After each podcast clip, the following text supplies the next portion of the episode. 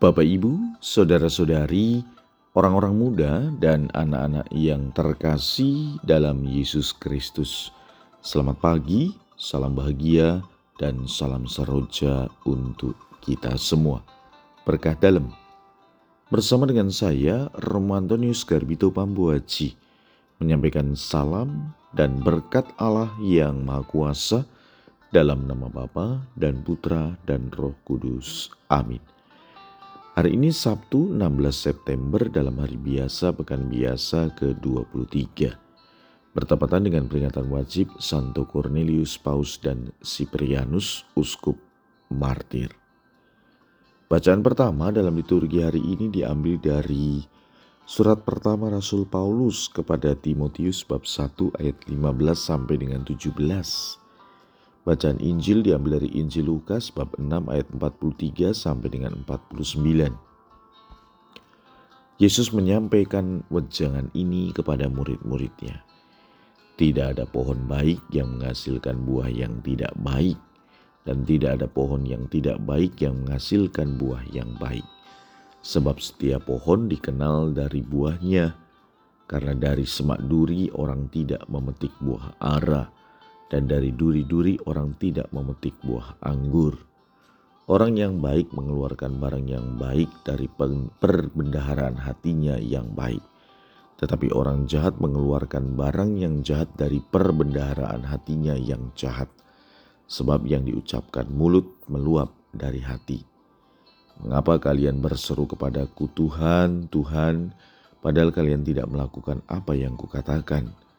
Setiap orang yang datang kepadaku dan mendengarkan sabdaku serta melakukannya, aku menyatakan dengan siapa ia dapat disamakan. Dia itu sama dengan orang yang mendirikan rumah. Ia menggali dalam-dalam dan meletakkan dasarnya di atas batu.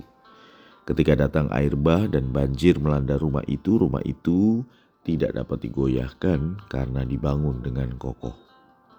Sebaliknya, Barang siapa mendengar perkataanku tetapi tidak melakukannya, ia sama dengan orang yang mendirikan rumah di atas tanah tanpa dasar.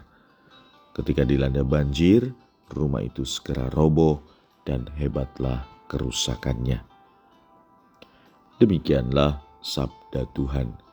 Terpujilah Kristus. Saudara-saudari, sabda Tuhan dalam Injil yang baru saja kita dengar memberikan gambaran tentang dua macam pribadi. Mereka yang mendengarkan firman Tuhan dan mempraktikannya dalam kehidupan sehari-hari, dan mereka yang hanya mendengarkan tanpa melakukan apa yang disabdakan oleh Yesus. Sabda Yesus adalah pondasi kokoh, dan tindakan kita adalah bukti iman yang sejati.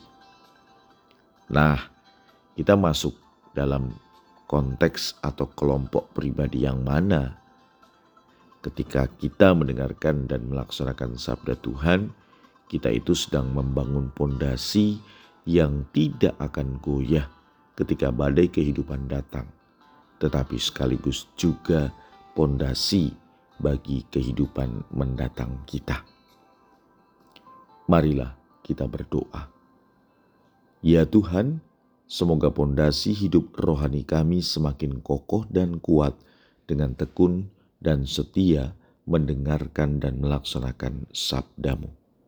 Berkat Allah yang Maha Kuasa, dalam nama Bapa dan Putra dan Roh Kudus. Amin.